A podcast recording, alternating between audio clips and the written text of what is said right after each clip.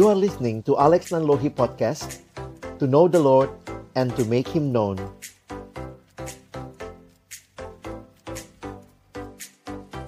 Kami boleh datang memuji, memuliakan namamu Menaikkan doa kami kepadamu Dan tiba waktunya bagi kami untuk membuka firmanmu ya Tuhan Karena itu kami berdoa kiranya Tuhan Ketika kami membuka firman-Mu, bukalah juga hati kami. Jadikanlah hati kami seperti tanah yang baik.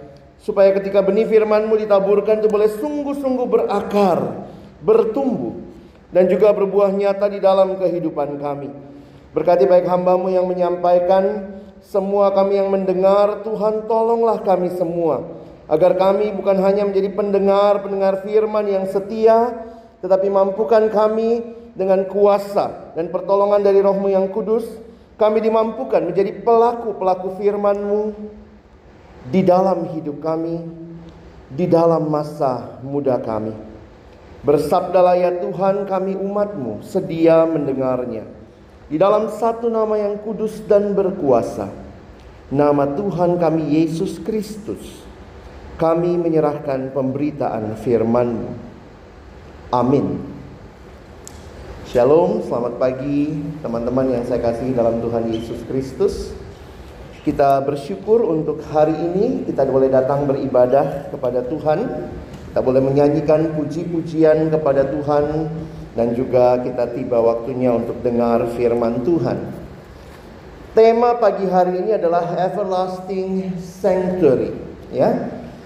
Jadi kita akan melihat sama-sama di dalam satu Mazmur tentang topik ini ya everlasting sanctuary. Teman-teman pernahkah kamu bayangkan kalau dikasih kesempatan hidup Teman-teman pengen hidup sampai umur berapa? Ah, ayo. Kalau dikasih kesempatan hidup, kamu pernah berpikir nggak? Saya mau hidup sampai umur berapa? Ini pertanyaan yang satu sisi tidak mudah. Ya, coba kita lihat sebentar kalau bicara tentang hidup berapa lama, banyak anak muda bilang nanti aja kok, kejauhan gitu ya. Bahkan di dalam dunia ini kalau kita lihat juga ada prinsip yang mengatakan misalnya begini ya. You only live once. Kamu cuma hidup satu kali. Nah, hidup yang cuma satu kali itu akan kamu apakan? Nah, ini jadi pertanyaan penting ya. Koko pernah baca dalam satu t-shirtnya anak remaja ya, beberapa tahun lalu t-shirtnya tulisannya begini. Masa kecil bahagia, masa muda foya-foya, tua kaya raya, mati masuk surga ya. Betul kalau ada hidup seperti ini, Koko yang pilih duluan ya. Sayangnya hidup tidak seperti itu. Di dalam kehidupan kita diperhadapkan dengan realita bahwa semua kita pasti mati. Itu yang paling pasti. Dan di sinilah kita akhirnya berhadapan dengan realita kehidupan yang sesungguhnya.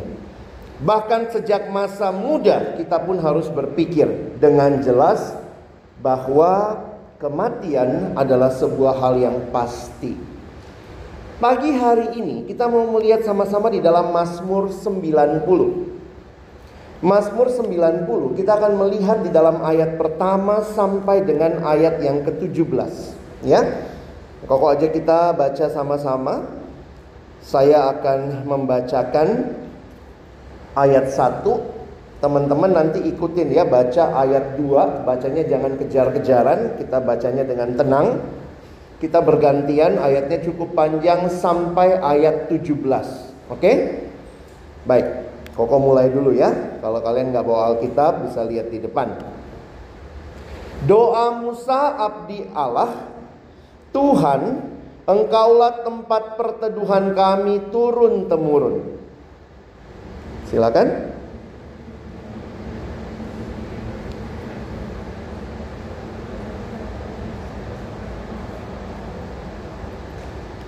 Nanti bacanya lebih keras ya. Koko baca ayat 3 dulu.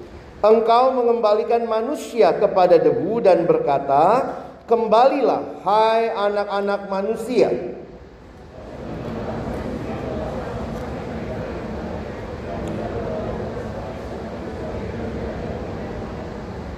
Engkau menghanyutkan manusia. Mereka seperti mimpi, seperti rumput yang bertumbuh,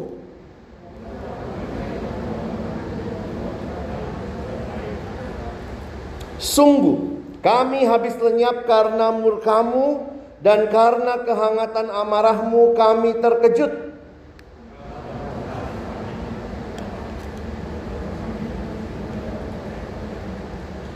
Sungguh, Segala hari kami berlalu karena gemasmu. Kami menghabiskan tahun-tahun kami seperti keluh.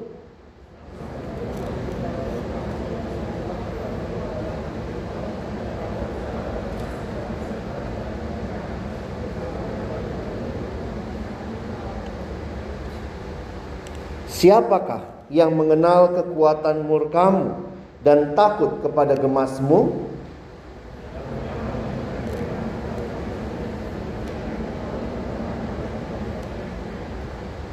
Kembalilah ya Tuhan berapa lama lagi dan sayangilah hamba-hambamu.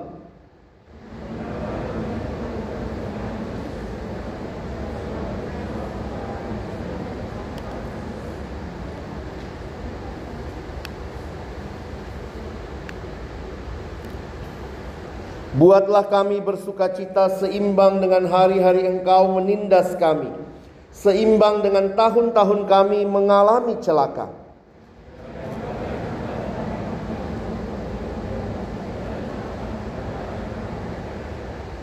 Kiranya kemurahan Tuhan Allah kami atas kami. Dan teguhkanlah perbuatan tangan kami. Ya perbuatan tangan kami teguhkanlah itu Sedemikian jauh pembacaan firman Tuhan, berbahagialah kita yang bukan hanya membacanya tetapi juga merenungkannya, melakukan dalam hidup kita dan bahkan membagikannya.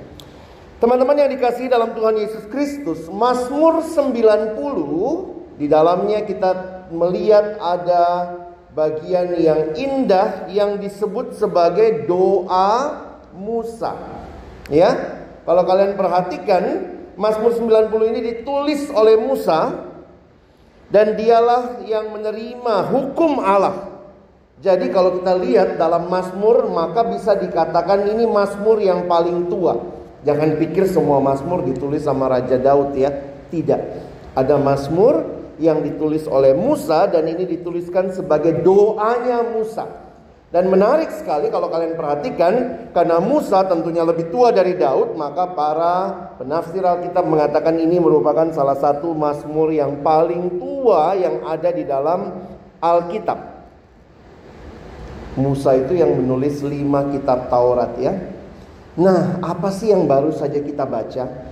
Apa pesan yang menjadi bagian dalam doa Musa? Sederhana. Sebenarnya hari ini Koko cuma mau bicara dua hal. Pertama apa? Ini. God is eternal. Sorry, kalau saya bisa lihat uh, slide-nya di screen akan menolong saya. Ya. God is eternal dan we are not. Oh, sorry.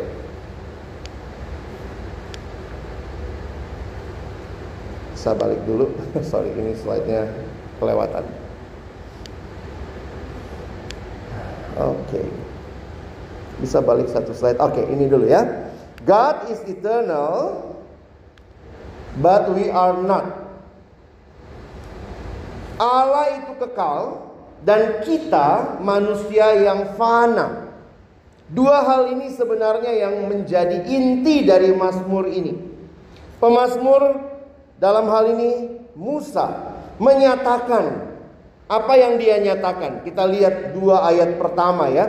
Karena di dalam dua ayat pertama itu adalah pengakuan Musa dalam doanya tentang God is eternal.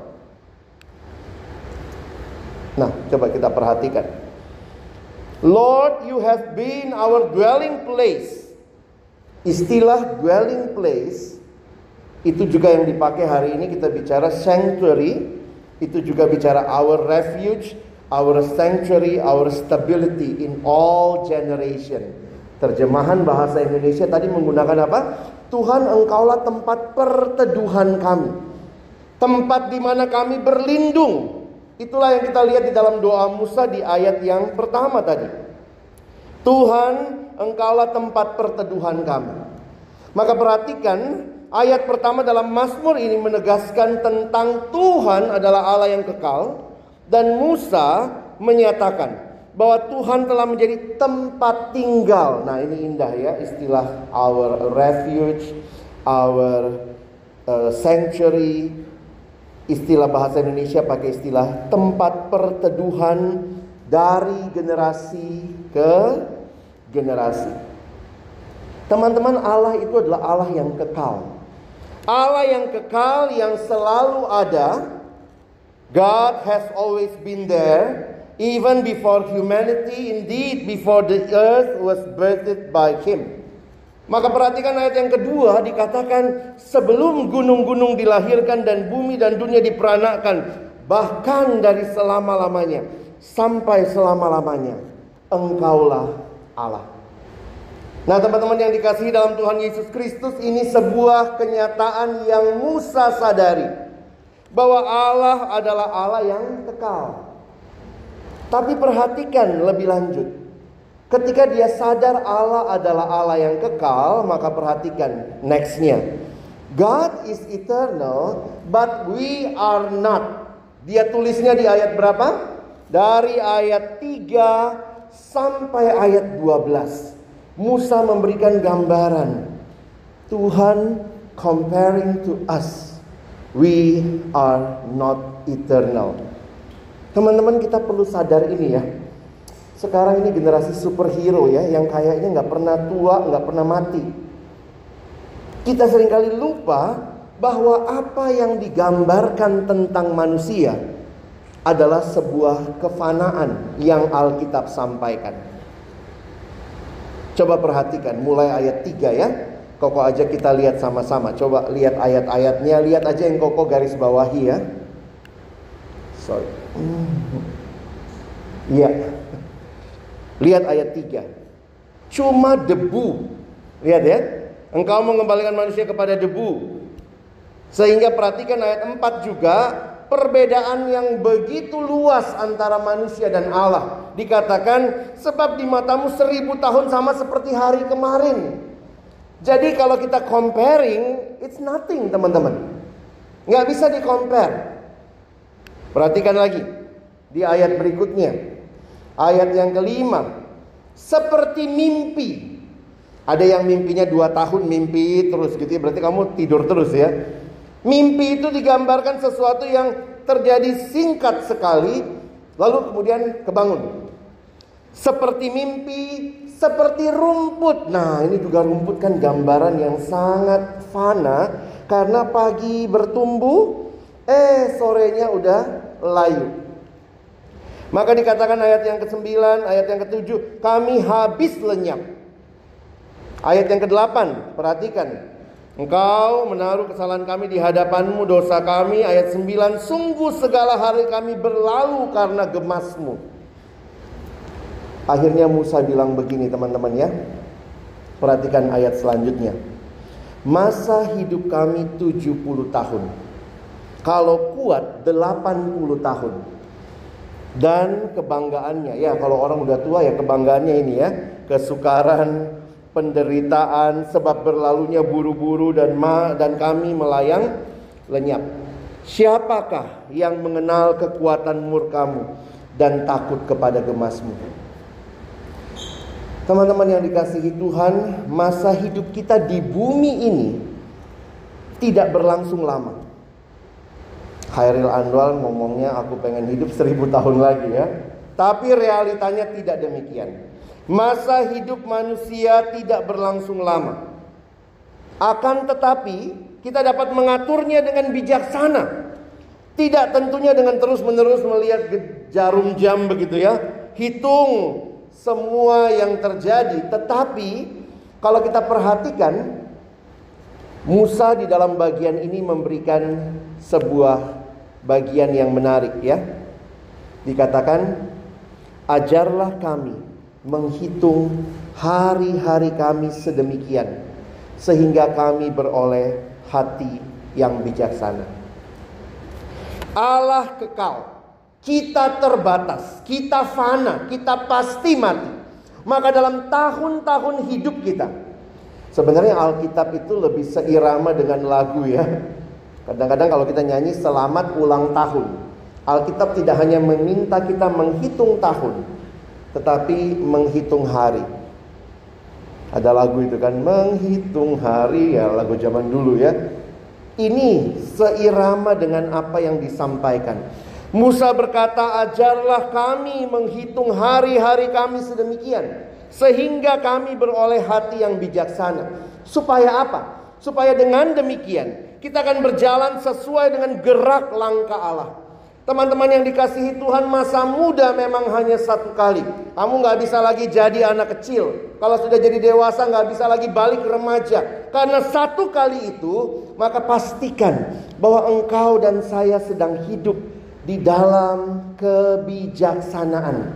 Tahu dia Allah yang kekal. Tahu bahwa setiap kita satu waktu nanti akan selesai hidupnya dan kita akan memberi pertanggungjawaban kepada Tuhan.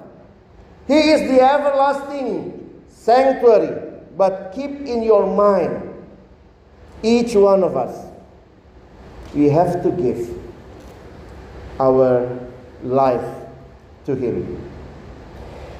Makanya kalau saya perhatikan istilah yang digunakan ya, Musa begitu kuat mengkaitkan, kalau engkau dan saya terbatas, Allah tidak terbatas, maka kiranya kita menjadikan Allah adalah tempat perlindungan. Ya.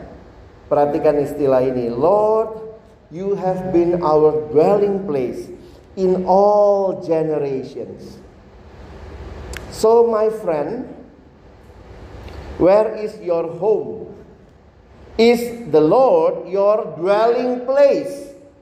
If the Lord is your dwelling place, you will have much peace in this peaceless world. You will have protection, deliverance, guidance, spiritual blessings, salvation, fellowship with Him, and eternal security forever.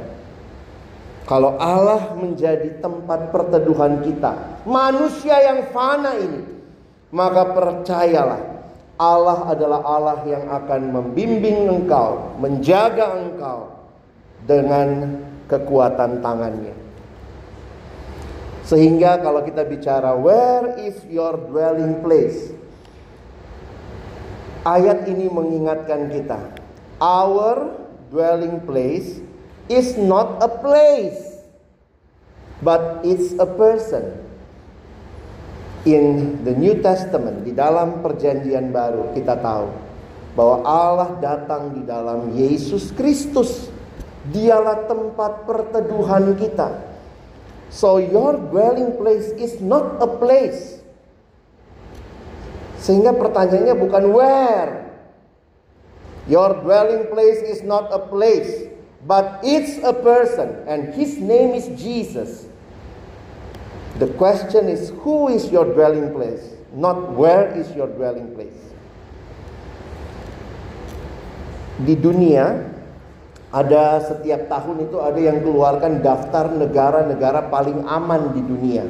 Ya kalian bisa bayangkan lah Indonesia itu agak di bawah ya. Indonesia itu nomor sekitar 40-an negara teraman di dunia itu menunjukkan masih banyak negara di atas kita, Malaysia sedikit di atas kita, Singapura malah ada dalam top 10. Jadi pertanyaannya, where is your dwelling place? Manusia sering kali pergi cari tempat paling aman, tetapi di tempat yang paling aman pun bisa mungkin ada ketidakamanan. Banyak orang waktu kerusuhan di Indonesia lari ke Amerika, lari ke Singapura. Eh di Amerika juga ada bom, di Amerika juga ada 9/11. Jadi sebenarnya waktu kita udah keliling-keliling lihat di dunia ini, where is your dwelling place? Di mana tempat yang paling aman? Dan I think the Bible answer it not only about the place, but about the person. Jesus is our dwelling place. Bayangkan ayat 1 dan 2 bicara apa? God is eternal. Ayat 3 sampai 12 bicara apa? We are not eternal. Ayat 13 sampai selesai. Ini apa?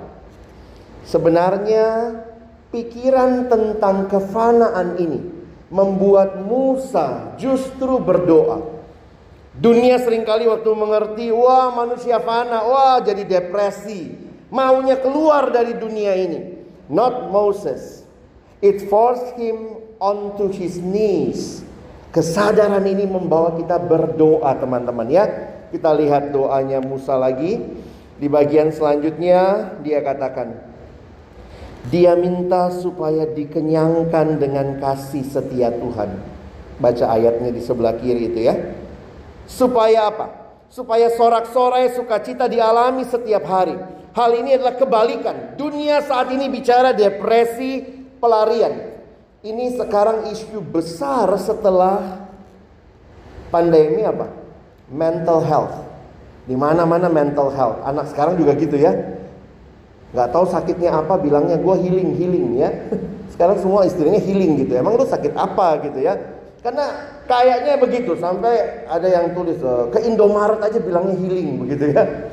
Itu satu realita bahwa dunia sedang mengalami banyak krisis. Tetapi doa Musa supaya Tuhan kenyangkan aku dengan kasih setiamu. Kalau nonton drama-drama sekarang, drama anak remaja apalagi ya. Stres dikit, sayat-sayat. Stres dikit, bunuh diri begitu ya. Sedih amat hidup. Perhatikan doa Musa. When he knows that God is eternal and he is not dia minta, Tuhan kalau begitu kenyangkan aku dengan kasih setiamu. Hanya dengan kasih setia Tuhan engkau akan hidup dalam sorak-sorai dan sukacita. Hal ini kebalikan dari depresi dan pelarian yang dihidupi orang-orang yang tidak bertuhan dalam menghadapi kefanaan diri mereka sendiri. Beberapa anak remaja tulis surat, "Papa, Mama, gua kagak tahu untuk apa gua hidup, mendingan gua mati saja." Lalu benar lompat ya, di dunia negara yang paling maju salah satunya adalah Jepang. Tapi kalian tahu tingkat bunuh diri paling tinggi di Asia bahkan di dunia salah satunya adalah Jepang. Satu hari lebih dari 60 orang bunuh diri. Negara maju punya segalanya, dan separuh dari 60 orang itu, jadi kira-kira 50 persen, 30-an adalah remaja. Itu data yang pernah saya baca, negara maju dengan teknologi segala macam. Dan itu dia lompat dari apartemen. Kalau apartemennya cuma dua lantai, paling patah-patah ya. Ini lantai 22, ya mati. Apa yang terjadi ketika tidak ada Tuhan di hidupmu? Orang yang merasa, oh saya ini bakal mati, ya sudahlah ini hidup saya. Seperti Bon Jovi bilang it's my life ya. Tapi kemudian kita diingatkan, it's not your life. Ini hidup yang Tuhan pinjamkan sama kita. Maka perhatikan kalimat selanjutnya. Saya tuliskan hanya Allah yang kekal. Hanya dia sajalah yang dapat memberikan sukacita sejati sepanjang hidup.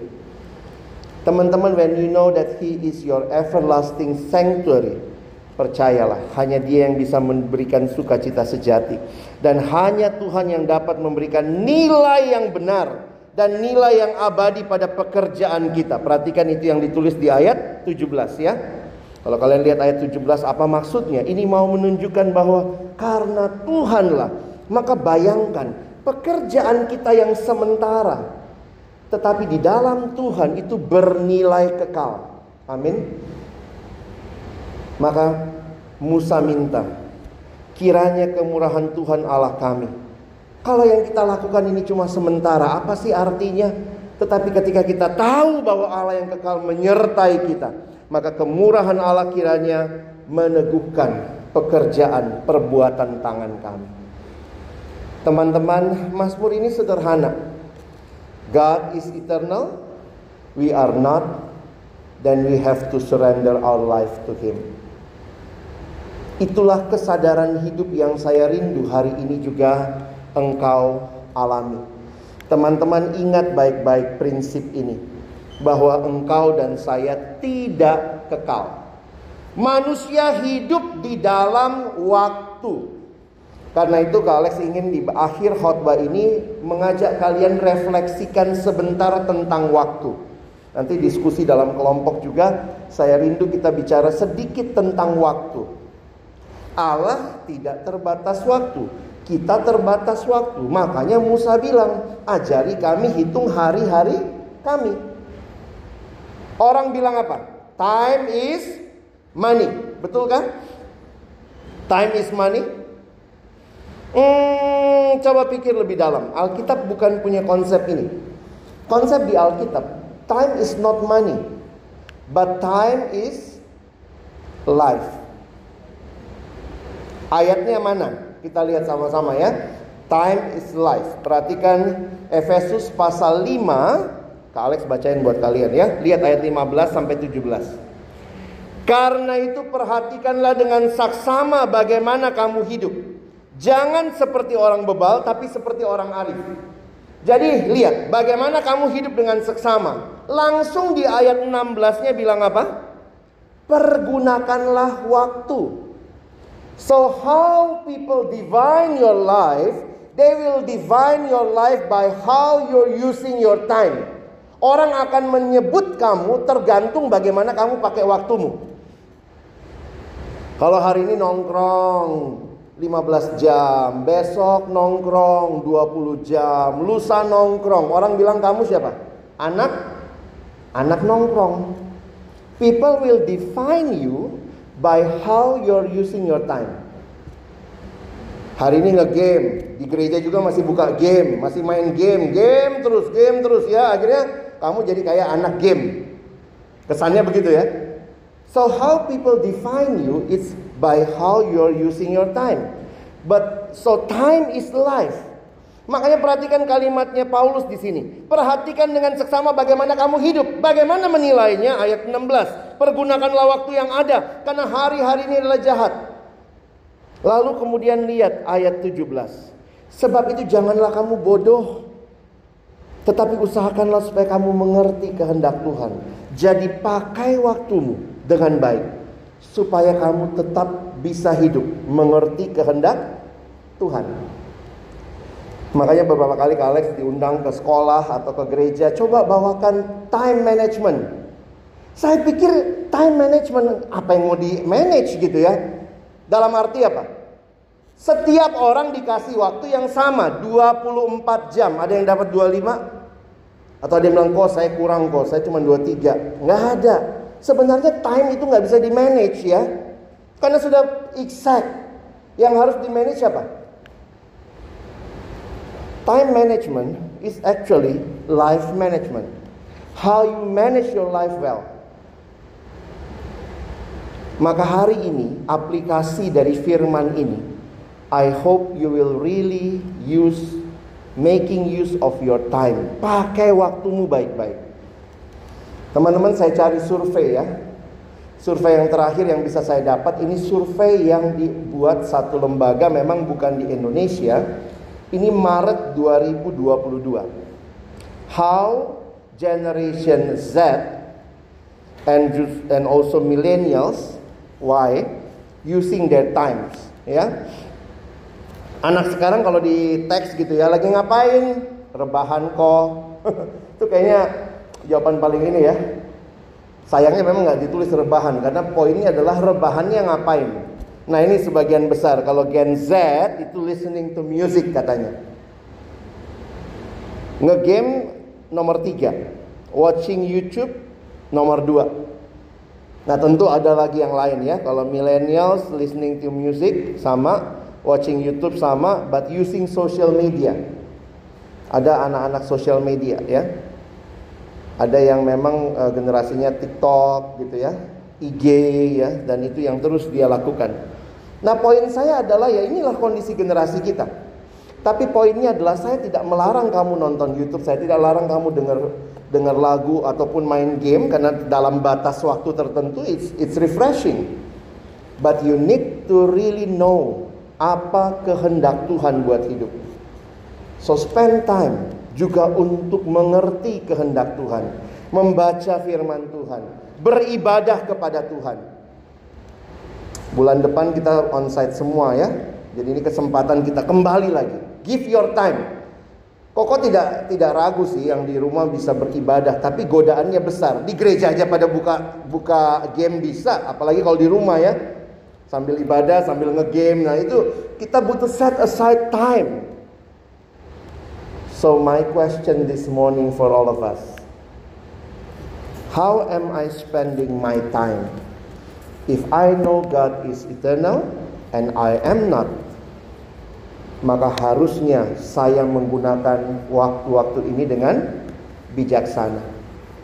Kiranya firman Tuhan menolong kita, bukan hanya jadi pendengar, tapi jadi pelaku firman. Serahkan hidupmu sama Tuhan. He is eternal. He is your dwelling place. But then you have to live wisely. Dengan cara apa? Spending your time to know God's will. Kiranya Tuhan menolong kita jadi pelaku-pelaku firman. Mari berdoa. Tuhan terima kasih untuk firman-Mu pagi ini. Tolong kami yang mengenal Engkau dalam masa muda kami. Engkau Allah kami yang kekal. Kiranya hidup kami juga boleh menyatakan bahwa kami hidup bagimu. Kami mau hidup bagi Allah karena Engkau Allah yang menjadi tempat perteduhan kami turun-temurun. Dan kiranya hari-hari hidup kami menjadi hari-hari yang berharga karena kami tidak hidup bagi dosa, tidak hidup bagi diri kami sendiri, tapi kami hidup mengerti kehendak Allah, menjadi berkat bagi sesama. Inilah kerinduan kami. Tolong kami sekali lagi bukan cuma jadi pendengar tetapi jadi pelaku firman dalam nama Yesus kami berdoa. Amin.